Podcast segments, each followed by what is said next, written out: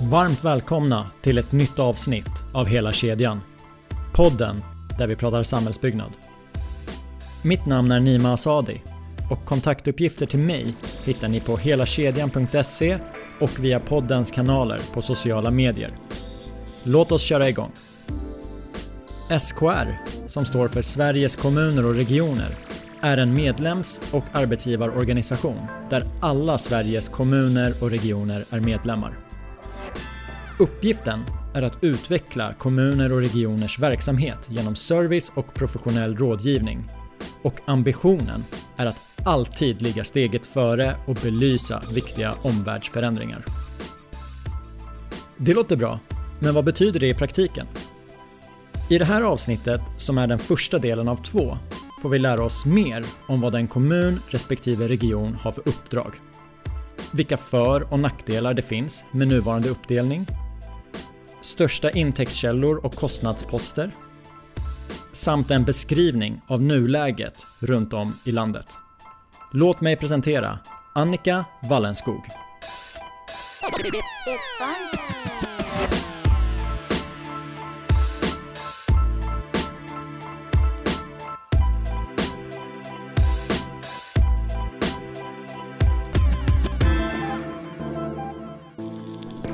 Varmt välkommen till hela kedjan Annika. Tack så mycket. Vi kör igång direkt. En eh, kort presentation. Vem är du? Ja, Annika Wallenskog heter jag. Jag jobbar som chefsekonom på Sveriges kommuner och regioner. Jag har varit här nu i tio år. Väldigt vad tiden går, tio och ett halvt till och med. Innan dess jobbade jag som kommundirektör i Vallentuna. Sen har jag jobbat som ekonomidirektör i både kommuner och regioner. Så att eh, jag kan väl kommuner och regioner ganska väl. Och sen var jag faktiskt sex år administrativ direktör på Globen också. Du arbetar som chefsekonom idag. Vad gör man då? Ja, väldigt mycket föredrag håller jag men vi gör även skatteunderlagsprognoser och analyser av kommunernas och regionernas ekonomi. Vi stöttar kommunerna och regionerna med tips och råd och hjälper dem eh, förhandla gentemot staten till exempel när det gäller olika bidrag. Hjälper till att tolka lagstiftning på olika sätt och så vidare. Så det är allt möjligt. Och hur går den här hjälpen till? Är det i form av rapporter, presentationer? Hur, hur sprider ja, dels rapporter och presentationer och sen har de Excel-filer så de kan räkna på sina intäkter utifrån hur vi får fram intäkterna också. Men sen många som ringer, skickar mail, ställer frågor. Jag åker ut, normalt sett när det inte är Corona så åker jag ut och träffar många kommuner och regioner. Håller föredrag och stöttar dem i deras budgetarbete till exempel. Din relation till siffror? Den är god men jag brukar skoja ibland och säga åh nu vart det sån multiplikation, det där blir jobbigt. Procent är nästan enklare tycker jag än multiplikation. Vi sitter i SKRs lokaler på Södermalm. Ja. Kan du berätta lite om SKR? Vi är en arbetsgivare och intresseorganisation för kommuner och regioner. Arbetsgivarorganisation det innebär att vi förhandlar alla avtal med alla som jobbar, alltså fackföreningarna då för alla som jobbar i kommuner och regioner. Intressebevakning jobbar vi med, det vill säga vi stöttar kommunerna och regionerna i deras eh, frågor på olika sätt. Eh, bland annat just inom ekonomiområdet som jag då företräder har diskussioner med staten om hur mycket pengar kan man behöva? Hur kan regelverken behöva ändras för att det ska funka bra för kommuner och regioner? Ehm, hur kan statens styrning vara på ett bra sätt så att det funkar bra? Om vi börjar på steg ett, kommun och region. Ja, vad, vad är skillnaden? Kommunerna de är ju på lokal nivå. Vi har 290 kommuner i Sverige. Den minsta är Sundbyberg. Ja, den minsta till ytan är Sundbyberg, det stämmer. Eh, men den minsta kommunen till folkmängd är Bjurholm som ligger i Västerbotten som har under, ja, 2500, mindre än 2500 invånare. Och störst är ju naturligtvis Stockholm då. då. Om vi stannar vid kommuner så kommer vi in på regioner alldeles strax. Jag tänker att du nämnde 290 stycken. Mm. Vem har kommit på att det ska vara så? Ja, det är egentligen en kommunreform som vi hade som avslutades 1974. Och där eh, så ändrade man från, det var över 2000 kommuner innan och då slog man ihop kommunerna till, det var inte mer än 270 någonting. Sen är det några som har delat sig efter det så att nu är det 290 då. Hur var tonläget då när man gick från 2000 kommuner till 270? Ja, dels var det så att man hade olika typer av kommuner. De hade lite olika värde beroende på vilken typ av kommun det var. Och då ville man att alla kommuner skulle vara jämbördiga, de skulle ha samma uppdrag och så vidare. Men sen blev det också en diskussion när det var så många kommuner. Om man är så många, eh, är det inte lika bra att man lägger vissa saker på staten istället då för att vissa kommuner var för små för att kunna hantera sitt uppdrag. Eh, och då tyckte man att det var viktigt med lokal demokrati, det vill säga att man på lokal nivå kan få bestämma om var ska våra skolor ligga, hur ska cykelbanorna gå och så vidare.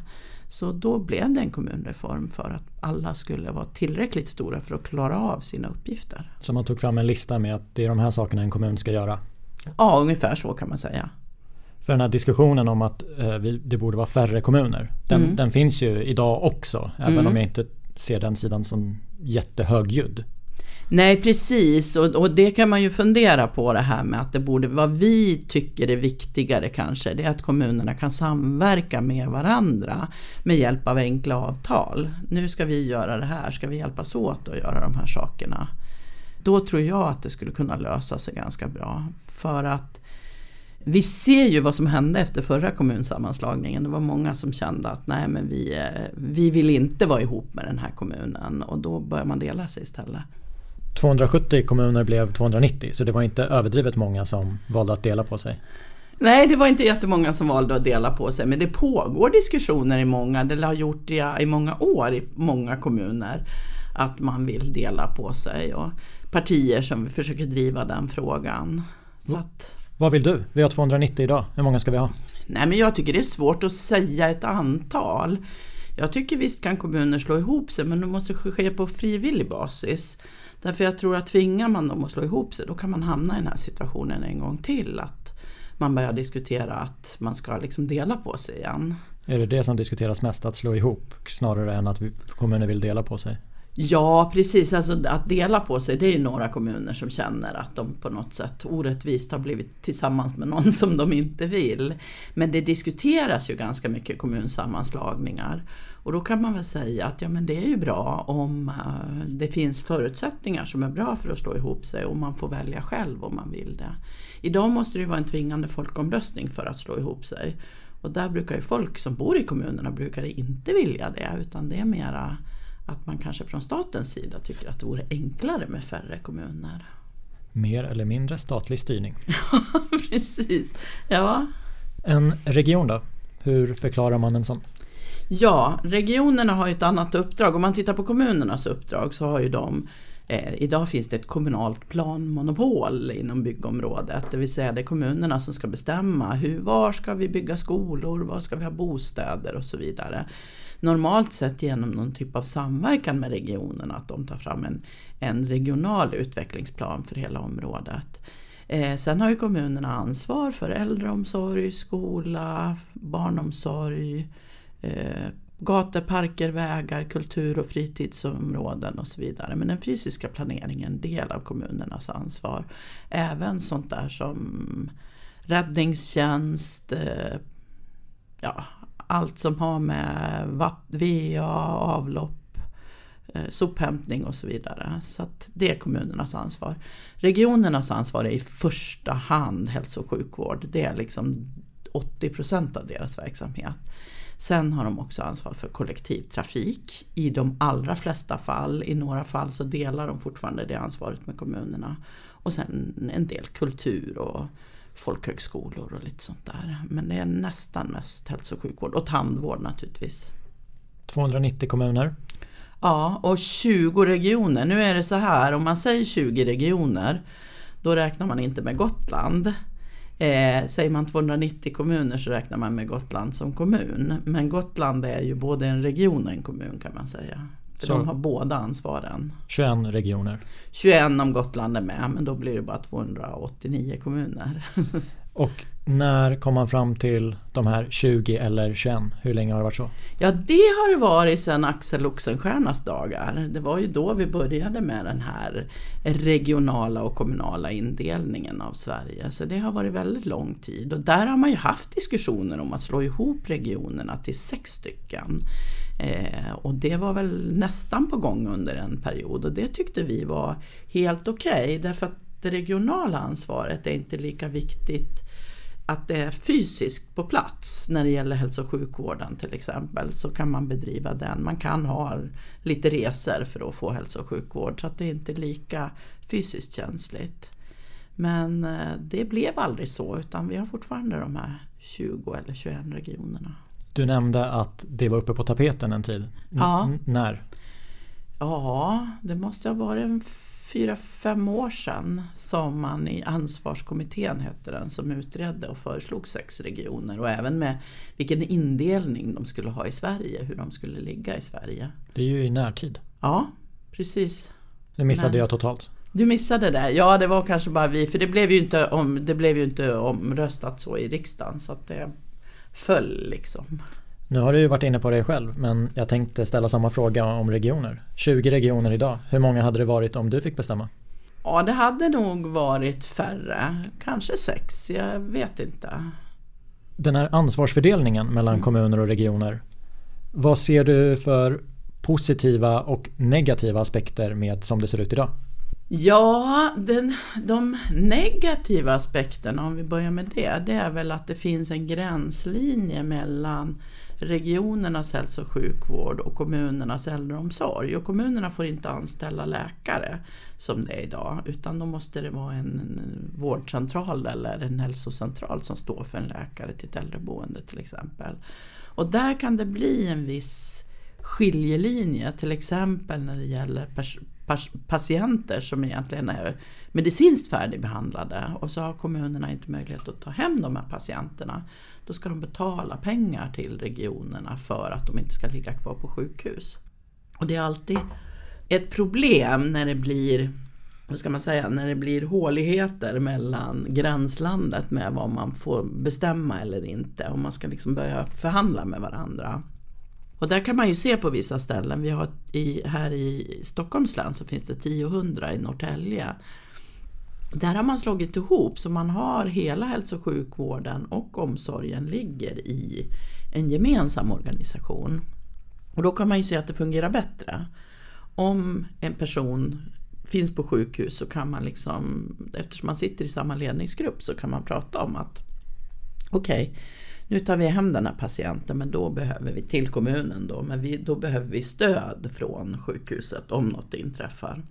Och det innebär ju att eh, det, det, funkar bättre om man kan jobba ihop och är man helt olika organisationer så kan det vara svårt att jobba ihop. Men om jag slinker in med en fråga där. Mm. Om det är bevisat att det funkar bättre i Norrtälje, mm. varför gör vi inte så på fler ställen? Ja, det är ju där i Norrtälje så har man ju tagit en bit från kommunens verksamhet och en bit från regionens verksamhet och lagt ihop. Hälso och sjukvården kan vi ju inte riktigt dock organisera i kommuner eftersom ett stort sjukhus till exempel behöver ju ha ett större upptagningsområde än en kommun. Och skulle kommunerna vara så stora som regioner då skulle det vara svårt med den här lokala förankringen och lokala demokratin. Så det är därför som det inte funkar riktigt eftersom de har lite olika logik när det gäller hur stora de behöver vara utifrån det uppdrag de har. Hälso och sjukvård behöver vara lite större för att man, det krävs till exempel om du tittar på sådana som opererar hjärtan eller knän så behöver en läkare få in ett visst antal patienter för att bli tillräckligt skicklig. Och också så behöver det vara, man kan ju titta på förlossning till exempel. Det skulle vara väldigt dyrt att ha en verksamhet som står tom delar av dagen för det kommer inte in kvinnor och föder barn. Utan det behöver vara ett tillflöde hela tiden för att det ska bli effektivt. En effektiv centralisering. Ja, precis. Då har vi varit inne på negativa aspekter eller utmaningar. Att vissa mm. saker hamnar i ett gränsland. Mm. Positiva då? Positiva saker är ju att saker och ting är fördelade utifrån någon typ av logik. Det är logiskt att, eh, ansvaret för skolskjutsar eller var skolorna ligger eller hur man tar hand om VA och avlopp till exempel, att det finns på lokal nivå. Där det är inte jättemycket folk och där man kan liksom fördela saker och ting på ett sätt som eh, man kan ha överblick över. Man känner kommuninvånarna, man vet hur de bor, var de bor och hur det funkar och så vidare. Det finns ju gränser mellan kommuner och gränser mellan regioner. Och vi har ju kollektivtrafik, vi har cykelbanor mm. som ibland kanske ska ta sig över gränsen. Mm. Hur funkar det samarbetet? Ja, det kan funka väldigt bra. Det kan också funka sämre. När det gäller kollektivtrafiken så har man ju i alla år försökt få till gemensamma taxor med kollektivtrafiken. Och där har det ju snubblat många gånger på ja, men hur räknar man med hundar eller pensionärer eller ungdomar eller biljettpriser och så vidare. Men man försöker få till ett samarbete. Däremot så funkar ju ofta tågen eller spåren mellan kommunerna eller mellan regionerna också ganska bra. Utan det är det här biljettpriset som strular till det. Man kanske måste köpa två biljetter om man ska åka mellan två regioner till exempel. Om man inte har ett samarbete, vilket man har på många ställen i och för sig.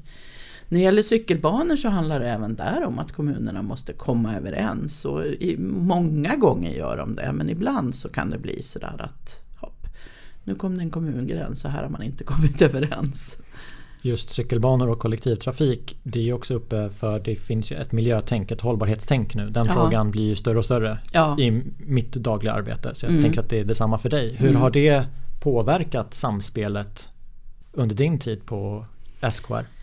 Ja, när det gäller kollektivtrafiken så har man ju haft ett mål hela tiden att fördubbla andelen resande i kollektivtrafik relativt andra trafikslag. Så att man vill liksom ha en stor ökning av antalet som åker kollektivt. Det har ju gjort också att man har byggt ut spårbunden trafik ganska mycket därför att om man ska åka väldigt långt med buss, det gör inte folk gärna. Det är lite jobbigt och man mår lite illa och sådär. Men ska man pendla fram och tillbaka till dagen, över dagen, till jobbet till exempel, så funkar det ganska bra om det finns kollektivtrafik som är anpassad för det. Och därför har man byggt ut kollektivtrafiken ganska mycket i form av spårbunden trafik. Är det någonting som det har fokuserats extra mycket på att få till det samarbetet eh. över regiongränser? Ja, det har man gjort och man har ju, jag menar spåren är ju byggda på ett sätt så att man kan ta sig mellan olika ställen och då gäller det ju bara att liksom passa in de här tågen som man har då i olika regioner till de spår som finns. Om vi tar nuläget, vi spelar in det här i juni 2020. Vilken är den största utmaningen på kommunernas och regionernas agendor just nu? Ja, just nu är det ju covid-19 naturligtvis, att få bukt med smittspridning men även att behandla och bota de patienter som har blivit drabbade. Och där har man gjort ett fantastiskt arbete i regionerna till exempel där man har mer än fördubblat antalet intensivvårdsplatser. Det var ju ingen som trodde att man skulle klara av ett sådant konststycke. Men det innebär ju att man har tagit vanliga vårdplatser och gjort dem till intensivvårdsplatser. Man har också samarbetat med att köpa in smittskyddsutrustning som det var jättestor brist på i början. Och man har också liksom haft kontakt med ett antal svenska företag som har ställt om sin produktion så att man har kunnat köpa att få tag på eftersom det har varit brist i hela världen, det är ju inte bara i Sverige.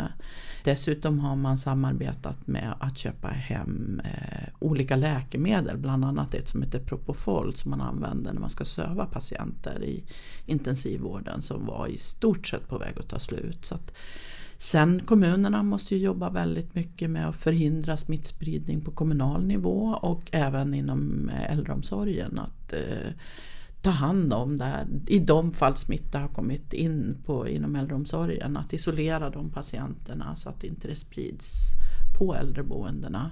Men även att jobba med restaurangtillsyn och så vidare så att inte folk sitter för tätt och sånt. Så det är ganska mycket olika information om vad som gäller i kommunen med bad och ja, allt möjligt. Där har man ju också sett en del gemensamma initiativ att 290 kommuner tillsammans är en starkare beställare än 290 enskilda? Ja, det var till och med så att enskilda regioner och enskilda kommuner fick inte ens beställa när det var så ont utan man ville att det bara skulle vara länder som, som beställde. Men där har man gjort ett jättebra samarbete ihop där man har gått ihop. Det är fyra kommuner då, de fyra största som till exempel har köpt en smittskyddsmaterial. Vi har också via vårt Commentus som är vårt upphandlingsbolag köpt hem smittskyddsmaterial. Så det, det, finns det gott om just nu men det var no, några veckor där som det var väldigt ont om både det ena och det andra. Jag tänker att eh, smittspårning, antal IVA-platser, restaurangtillsyn, eh, skyddsutrustning. Det är ju väldigt aktuella frågor just nu och jag mm. hoppas ju någonstans att det lättar framåt hösten. Mm. Men hur många frågor får du nu för att det blir också en liten omfördelning av pengar och intäkterna till kommunen kanske kommer se annorlunda ut om folk mm. blir arbetslösa. Mm. Vad mm. jobbar ditt team med nu att ta fram för underlag? Ja, vad vi har jobbat en hel del med det är dels att ta fram underlag för hur mycket skatteintäkter förlorar man. Eh, Sen hur mycket intäkter förlorar man inom tandvården, inom kollektivtrafiken, inom kulturområdet, inom fritidsområdet och så vidare. Och sen försöka driva på då gentemot staten att få ersättning för detta men även försöka räkna långsiktigt på olika, eh, hur ekonomin ser ut på lång sikt. Men även hur kan man göra, till exempel så kan man söka ersättning från staten utifrån en förordning som man har tagit fram.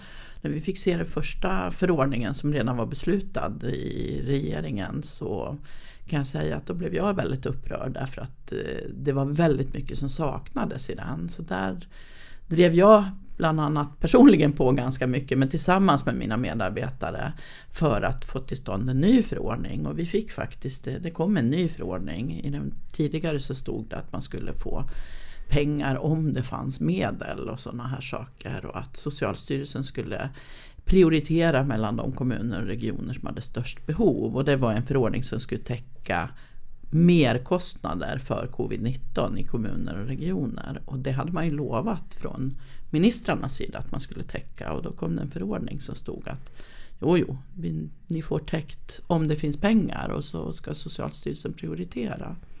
Så den skrev man om och satte till mer pengar. Men sen gäller det ju att det ska vara så enkelt som möjligt också att söka de här pengarna. Att det inte ska vara för krångligt och man ska inte hålla på behöva redovisa på kvittonivå och så vidare. Så att mycket sådana saker jobbar vi med. Det var ju mycket på regeringen där när, när det här inträffade och det var stanna hemma om ni kan och man började inse att okej okay, det här kommer inte gå mm. över över helgen. Mm. Eh, så jag antar att det, det, blir lite fel men hur upplever du dialogen från att ni kommer in och kommer med inspel att kan ni ändra det här? Hur har det gått?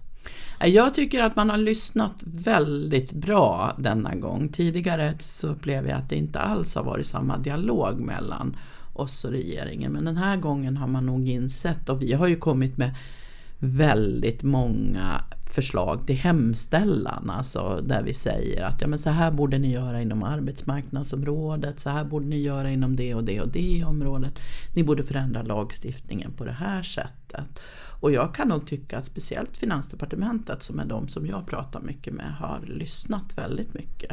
Och det handlar ju inte bara om att förbättra för kommuner och regioner utan det handlar ju också om att om kommuner och regioner dessutom börjar spara när vi har en lågkonjunktur, ja men då förstärker de lågkonjunkturen, då blir det ännu värre.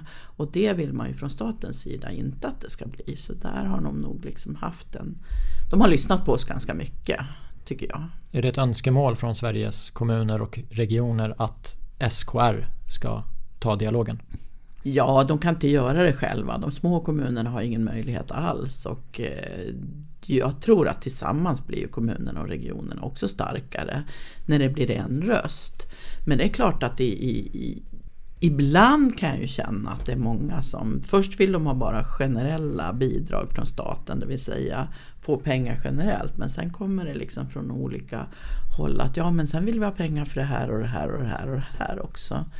Det är ungefär som, man, eh, som barnen säger, men jag, jag vill ha min veckopeng men du ska inte bestämma vad jag ska göra med den. Och sen så ger man dem den veckopengen och så säger de, ja fast nu behöver jag ju pengar till, till det här och det här och det här. Nu måste jag köpa nya skor också. Och så säger de att ja, men om jag får mina, eller hela studiebidraget varje månad så sköter jag mig själv. Då kan man ju inte komma med sidobegäran. Så ibland kan ju vi också vara lite sådär, vi, vi skriker inte om allt som våra medlemmar kanske skulle vilja. Utan vi försöker nog också sålla så att vi, vi ser till att det blir så bra som möjligt. Ja men ni vet ju också vad som händer på 290 olika ställen i landet. Ja, och kan, ungefär Och kan prioritera. ja precis, men, men, men, det är ju viktigt att det vi för fram faktiskt också är relevant.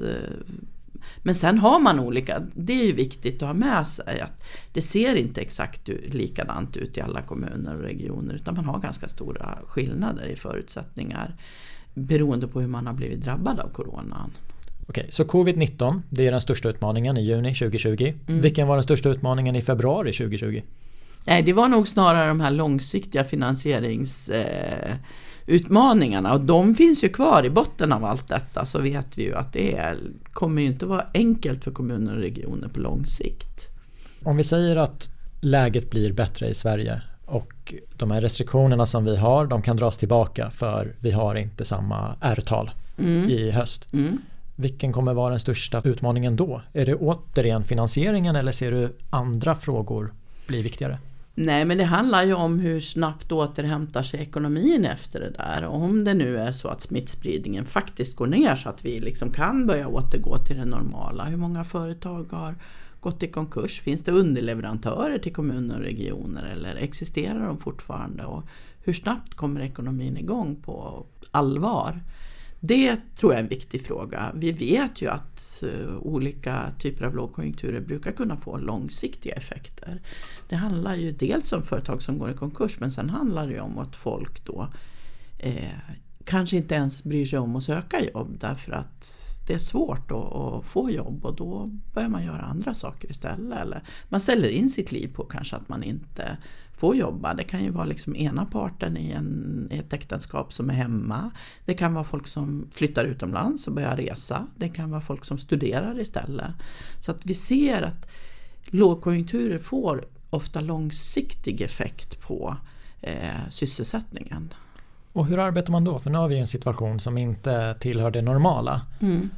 Gör du och din grupp massa olika scenarier i era beräkningar eller känner ni så här Ja, fast vi väntar en månad för att annars kan ju allt det här arbetet bara vara bortkastat. Vi måste ju ta fram olika scenarier och det har vi gjort också utifrån att vi måste leverera skatteunderlagsprognoser till kommunerna och regionerna och då kan vi inte säga att ja, men det får ni om en månad istället. Men sen gör vi kanske inte väldigt många scenarier utan vi gör kanske det som vi tror är mest troligt.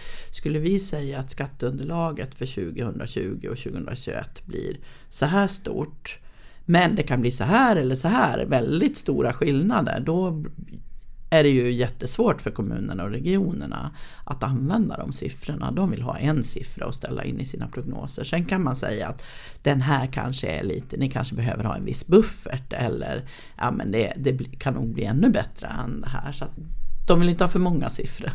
Det kan med andra ord komma en uppdatering av årets ekonomirapport. Ja, det kommer vi att ha i oktober i vilket fall, men vi kommer att komma med en ny skatteunderlagsprognos i augusti, 24 augusti. Kommuner och finansiering. Hur, hur får en kommun sina intäkter idag? De mesta pengarna kommer från skatteintäkter och det är ju när alla människor som jobbar betalar ju skatt på sin lön. Och där är det så att ungefär 32 kronor på varje intjänad hundralapp betalar man till kommuner och regioner. Eh, när man tjänar mycket pengar så betalar man till staten också men all, alla de första pengarna man tjänar så att säga, man, man har ju lite man kan jobba och tjäna utan att betala någon skatt alls. Men, Eh, så betalar man till kommunerna och regionerna och det är ungefär i snitt kan man säga 10-11 kronor till regionerna och knappt 20 till kommunerna eller mellan 19 och 22 till kommunerna ungefär. Eh, sen betalar man ju dessutom skatt på pension, på arbetslöshetsersättningar, på föräldrapenning och sjukpenning och så vidare. Så det är de största intäkterna som kommunerna har. Sen får man ju bidrag från staten också, så kallade statsbidrag.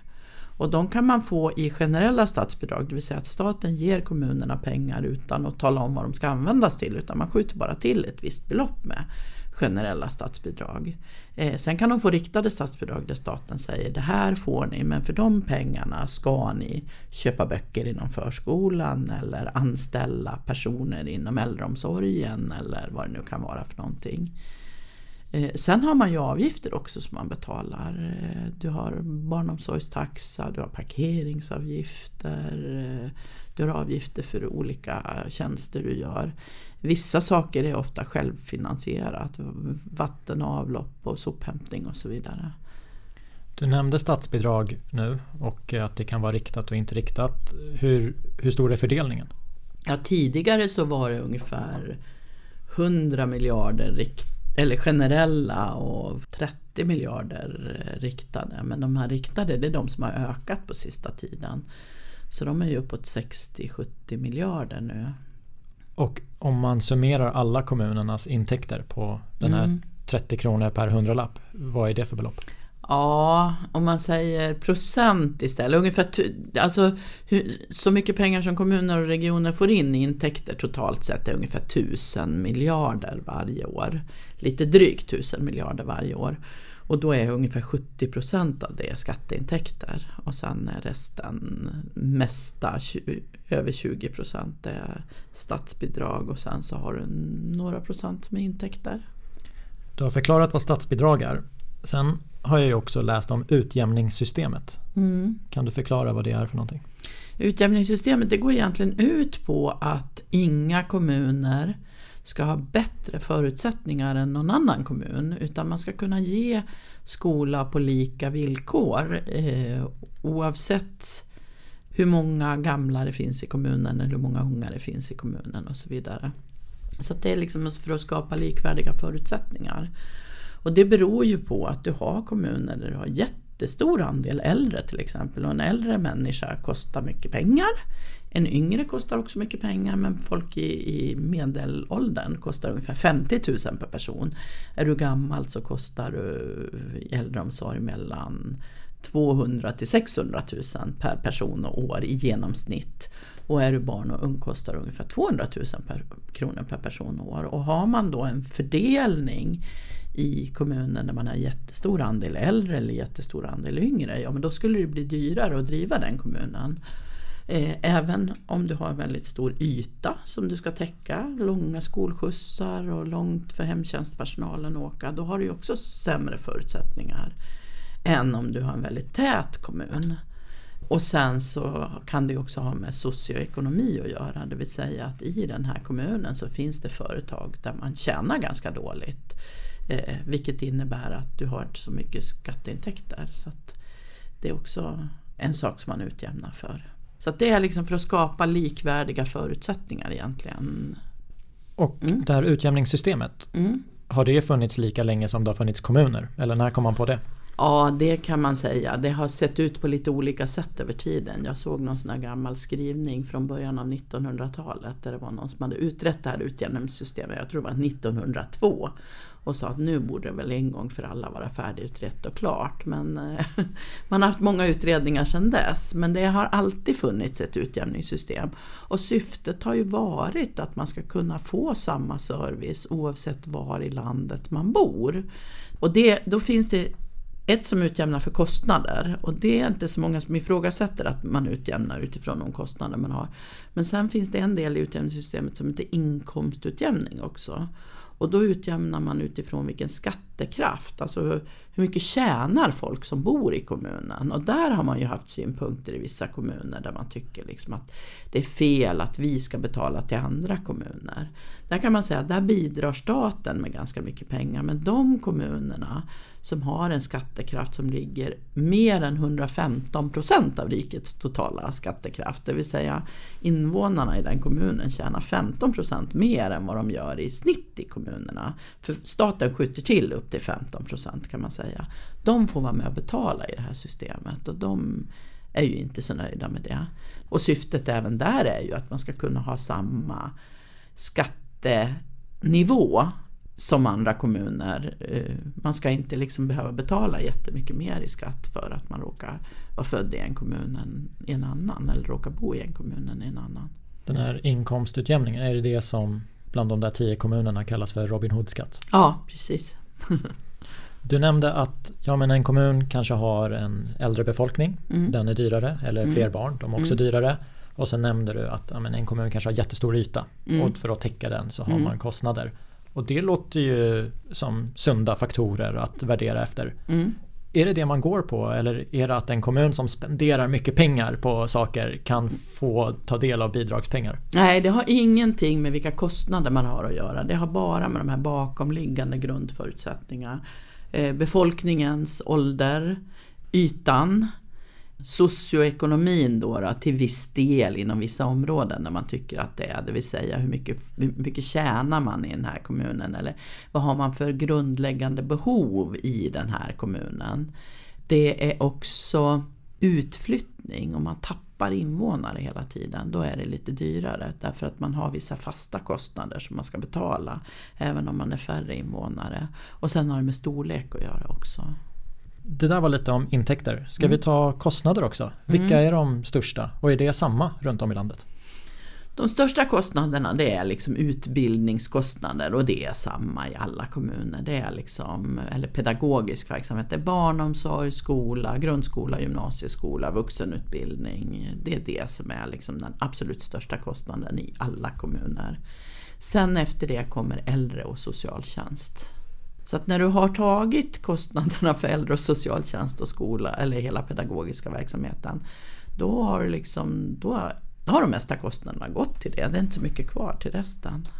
Sen har vi en del kostnader för kultur och fritid och samhällsbyggnadsfrågor. Olika parker, gator, vägar, lite liksom fysisk infrastruktur om man kallar det så.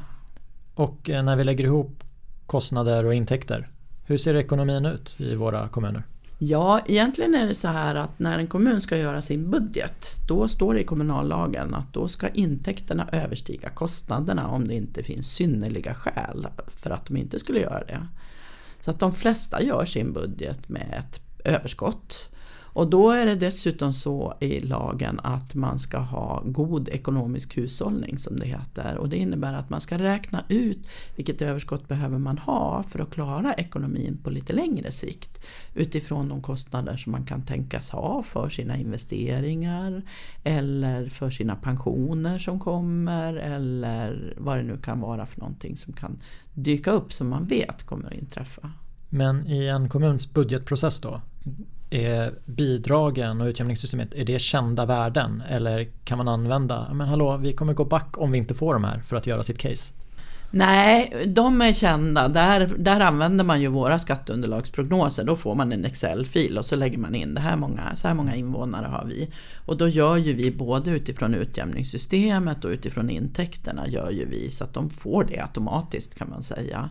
Så de kan inte hitta på några, men vad de kan hitta på ibland det är ju att de säger ja men sen ska vi ju sälja mark också och då får vi in så här mycket pengar för markförsäljningen och så kan de balansera budgeten på det sättet. Och det har ju inträffat att en del kommuner har gjort det. De har utgått från en viss försäljning som de ska få och sen har de fått ihop budgeten på det sättet och så kanske de inte haft någon buffert. Men det är ju lite risky att göra det för får man då inte den här försäljningen till stånd då får man ju ett underskott då. Så att det är ju inte att rekommendera att göra på det sättet. Sen är det såklart en del kommuner, de säljer ju hela tiden mark. Det ligger liksom i deras process att sälja mark hela tiden. Och då kan man ju räkna med att ja, men en viss markförsäljning kommer nog att ske även kommande år. Det är en del i hela exploateringsområdet. Men tar man Stockholm så är de där markförsäljningarna det är ganska höga belopp. Så en ja. inställd försäljning kan ju påverka ganska mycket. Absolut, men då är det ju så att det kanske är så att Stockholm säljer liksom, de har de kanske har 100 exploateringsprojekt, nu bara drog jag till med en siffra. Och då kanske det är så att ja, 20 kanske inte blir av, men de vet ändå att en hel del kommer att bli av. Så det är inte lika riskabelt om man liksom tar en, en viss siffra och räknar med att ja, men den här kommer vi att få. Eh, men att räkna med att allt kommer att gå i lås, det är ju riskabelt. Man tar fram en budget som mm. ska visa på god ekonomisk hushållning. Mm. Hur flexibelt är det att under året göra om i den? Lägga pengar på andra saker än vad man har sagt? Mm, då finns det också lagreglerat hur man får göra med det. Om man kommer på att man ska göra mer saker under året då måste man alltid hitta finansiering för den saken som man kommer på att man ska göra. Och då, bör man, då kan man säga så här, ja men det kan vi täcka inom ramen för skolans budget för man vet att det finns ett utrymme där. Man kan ha en liten buffert som ligger centralt i kommunen som man säger, ja men det här tar vi från oförutsett brukar den heta, den här bufferten då. Så att enligt lagen så får man inte fatta beslut om nya saker som kostar pengar utan att ha en finansiering för det. Men man får skära ner. Jag menar om jag inte säljer min mark och inte får mm. in pengar då får mm. jag skära ner på någonting. Ja precis, men då har man ju gjort en, en risk från början att man räknade med att man skulle få så mycket sålt så man inte får ihop budgeten. Men däremot kan det ju bli så att det händer grejer så man inte får in skatteintäkterna så som var planerat till exempel. Nu i samband med covid-19 så blir ju det så i många kommuner till exempel att ja, men vi har dels jättestora merkostnader. Man kan ju inte plötsligt, eller vi tar regionerna för de är mycket tydligare.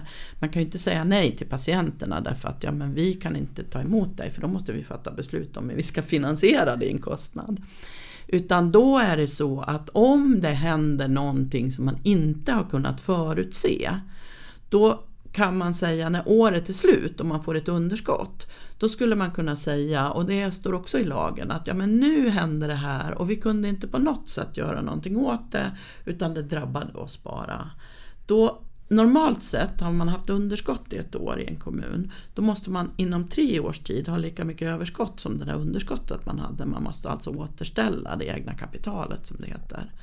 Men om det är så att man inte har kunnat rå över det, som nu när det gäller Corona till exempel. Det som då beror på Corona, det kan man säga att ja, men nu har vi haft ett underskott i år, det beror på Corona, vi har gjort allt vi kunnat men vi kunde inte rå över det här.